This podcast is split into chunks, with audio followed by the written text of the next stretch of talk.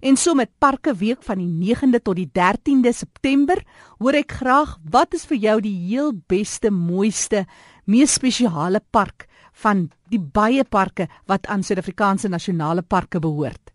Ek sal graag jou SMS wil hê. Stuur jou telefoonnommer daarby en ek bel jou terug en volgende week luister ons so na 'n paar van ons luisteraars se insette oor hulle ervarings in van ons parke.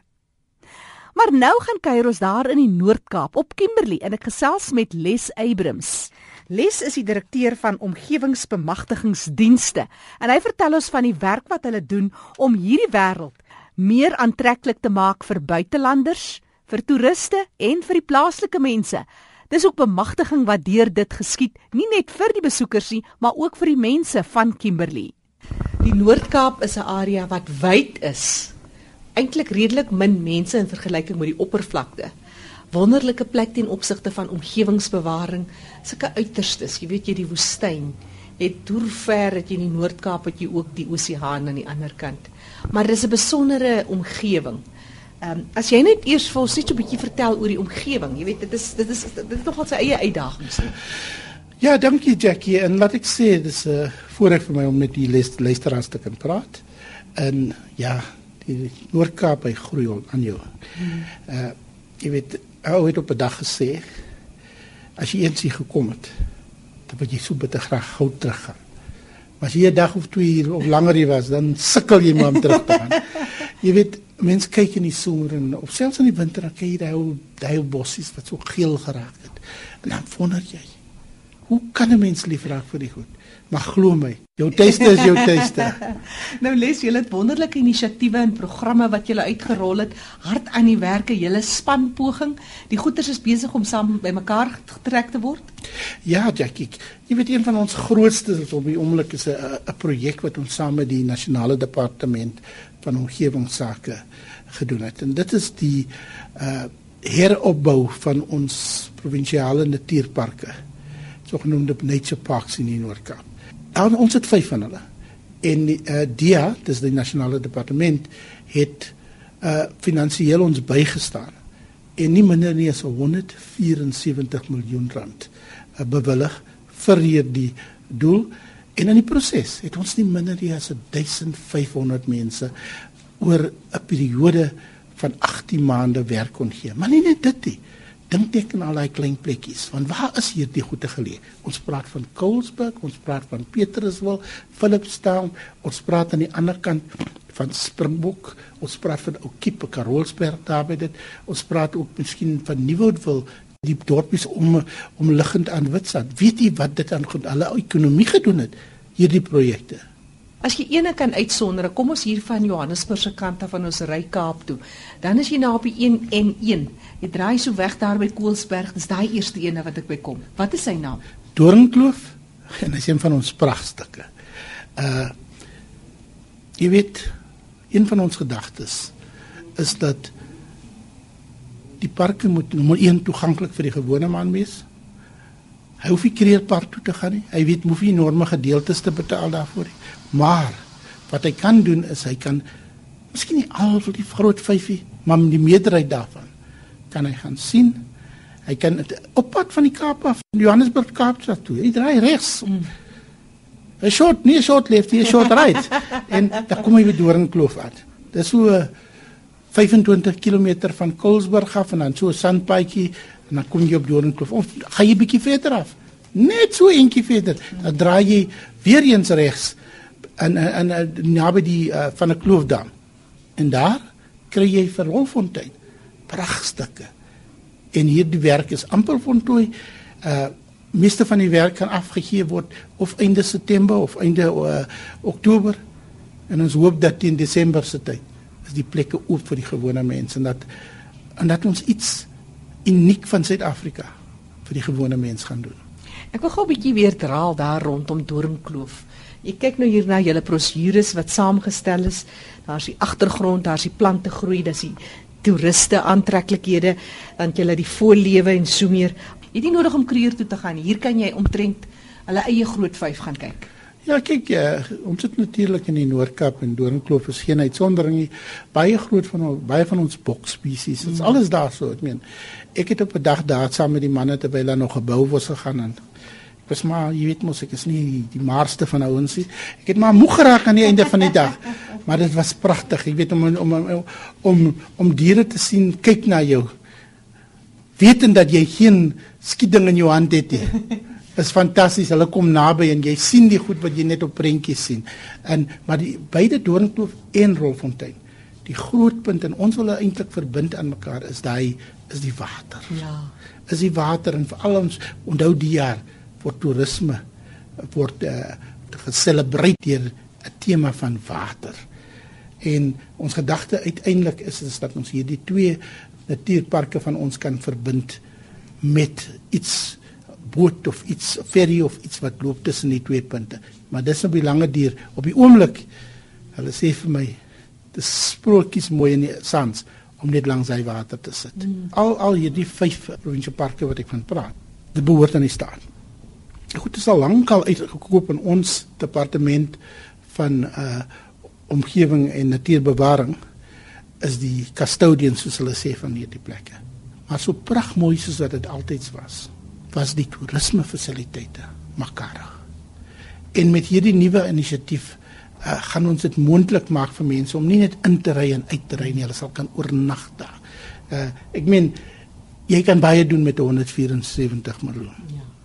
Ons het chalets gebou, ons het ag braaiplekke gebou. Ons het uh sogenaamde fishing camps gebou op hierdie goede. Ons het ons het selfs vir ons werkers. Want onthou, jy kan nie die mense in en uit vat elke dag nie. Ons het vir hulle selfs byke akkommodasie wat nie afsteek by die res van die orde nie gebou op die plekke. Want ons glo as ons werkers gelukkig is, gaan hulle beste gee vir ons. Ek dink les en dis seker ook waar 'n titel soos joune inkom waar jy omgewingsbemagtigingsdienste. Dis meer as net die publiek, die openbare bemagtiging, daar's ook 'n bemagtiging vir die mense die in en om die parke. Die gedagte is om om mense te te help om 'n beter lewe vir hulle te kan skep.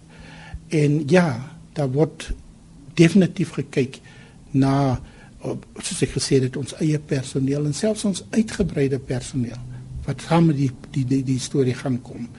En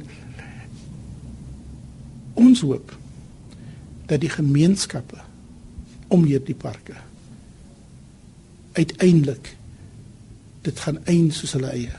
Hmm. En dat hulle kans gaan sien dat hulle kinders in hierdie rigting studeer sodat ons hulle werk kan verskaf. Dat ons nie al ewige situasie moet hê waar mense van buite moet inkom nie klink provinsialisties, maar dit help nie. Ons ons ons ons ons ons ons skep nie werk vir ons eie eerste in ons gebiede nie. Absoluut. En onthou waar die park is. Kom ek nou ons het gepraat van die twee. Die derde ene uh uh, uh Witstrand naby Posmosburg. Die vierde ene Gugap naby Springbok. Dan natuurlik Oorlogskloof naby Nieuwoudtville. Gepraat van Nieuwoudtville. Weet jy as jy op Oorlogskloof is? In die verlede het ons soort van 'n opslaan tipe permanente tente gehad. Ons gaan nou permanente uh uh houthuise hê oral langs die staproete. En as plekke waar jy kan staan, dan kyk jy links, kyk jy na die see, dan kyk jy regs, kyk jy oor die kneusvlagte. Uh dis eintlik 'n stapper se droom. Dis nou oorlogskloof. Dis nou oorlogskloof naby Nieuwoudtville. En uh vir al jong mense, vir al jong mense gaan regtig hulle tyd geniet op hy oor. Nou praat ons so van ehm uh, weet die, die diversiteit want jy het nou was jy daar in Koelsberg en was pad Kaap toe en so half amper nie Karoo. Nou sou sal weer terug in 'n ander omgewing en dit is ook wat die Noord-Kaap seker bied, daai diversiteit in omgewing. Ons is nou hier in September maand en ons praat van natuurerfenis. Dan wil mense dit eintlik amper sê dit is net iets wat jy nie vir iemand kan vertel nie, kom ervaar dit. Ons ons het dit alles Jackie. Ons het dit letterlik alles. Ons meeste van die die die die, die verskillende plante biome in Suid-Afrika kry jy by ons. Jy kry hulle al. Die hele diversiteit is daar. Een oomblik is jy in Sakkulin Karoo. Die volgende oomblik sit en kyk jy dit wat jy kry langs 'n kus. Uh jy weet ons het dit daar. En die tyd van die jaar is net jammer dat dit nou sneeu op die oomblik in Magbalan.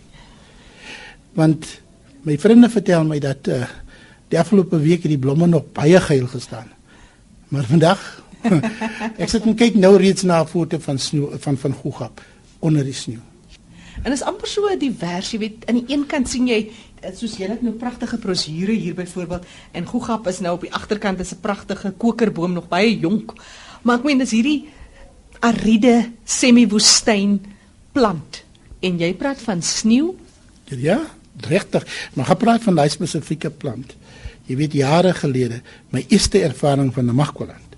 Toe gaan kuier ek mos daar in, toe gaan braai ons in die veld. En uh, daar word gesê gaan maak hout. En ek kom met ek dink nog ek is fancy en ek kom met my arms vol uh uh van 'n omgevalle kokerboom. En ek dink ek het nou hout bymekaar gesamel. kom ek sê net die persoon wat in beheer van ons was het my weggejaag en gesê weet jy die ding maak net as.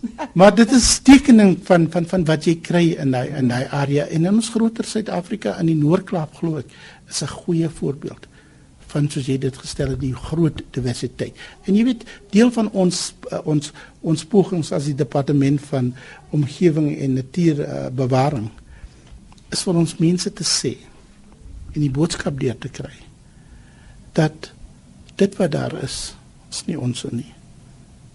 Ons is net in bewaring van dit vir ons kinders. En dit is ons en ons kinders se verantwoordelikheid om te sorg dat ons dit behou vir toekomstige generasies. Dis Les Abrams wat gesels het. Hy is die Noord-Kaapse provinsiale uh, direkteur hier in hierdie regering omgewingsbemagtigingsdienste. Ja, en nie ver van Kimberley nie is Appington en Appington is seker die dorp daar aan die Oranje rivier wat ook die logiese vertrekpunt is vir iemand wat die park, die oorgrenspark daar naby hulle wil besoek. Dis die Galagadi oorgrenspark. En dit was in die 1920s wat hierdie deel van die Galagadi woestyn natuurbewaarders se aandag al begin trek het. Galagadi se uiterste dorheid is te wyte aan die byna konstante hoë drukstelsel wat 'n deklaag oor die binneland vorm. En aangesien lug in 'n hoë drukstelsel daal, kan vogtige lug van die see af nie die streek invloei nie. Met 'n langtermyn gemiddelde reënval van so 213 mm kan ek Galagadi as 'n egte woestyn geklassifiseer word, hoewel die oorvloed woestyngrasse die gebied eerder die voorkoms van 'n halfwoestyn gee. Die interessanthede wat ek deurgegee het in Ekoforum vandag, kom van 'n boek saamgestel deur Michael Brett reis deur Suid-Afrika se nasionale parke. En gaan reis jy bietjie op hulle webtuiste sandparks.org.za.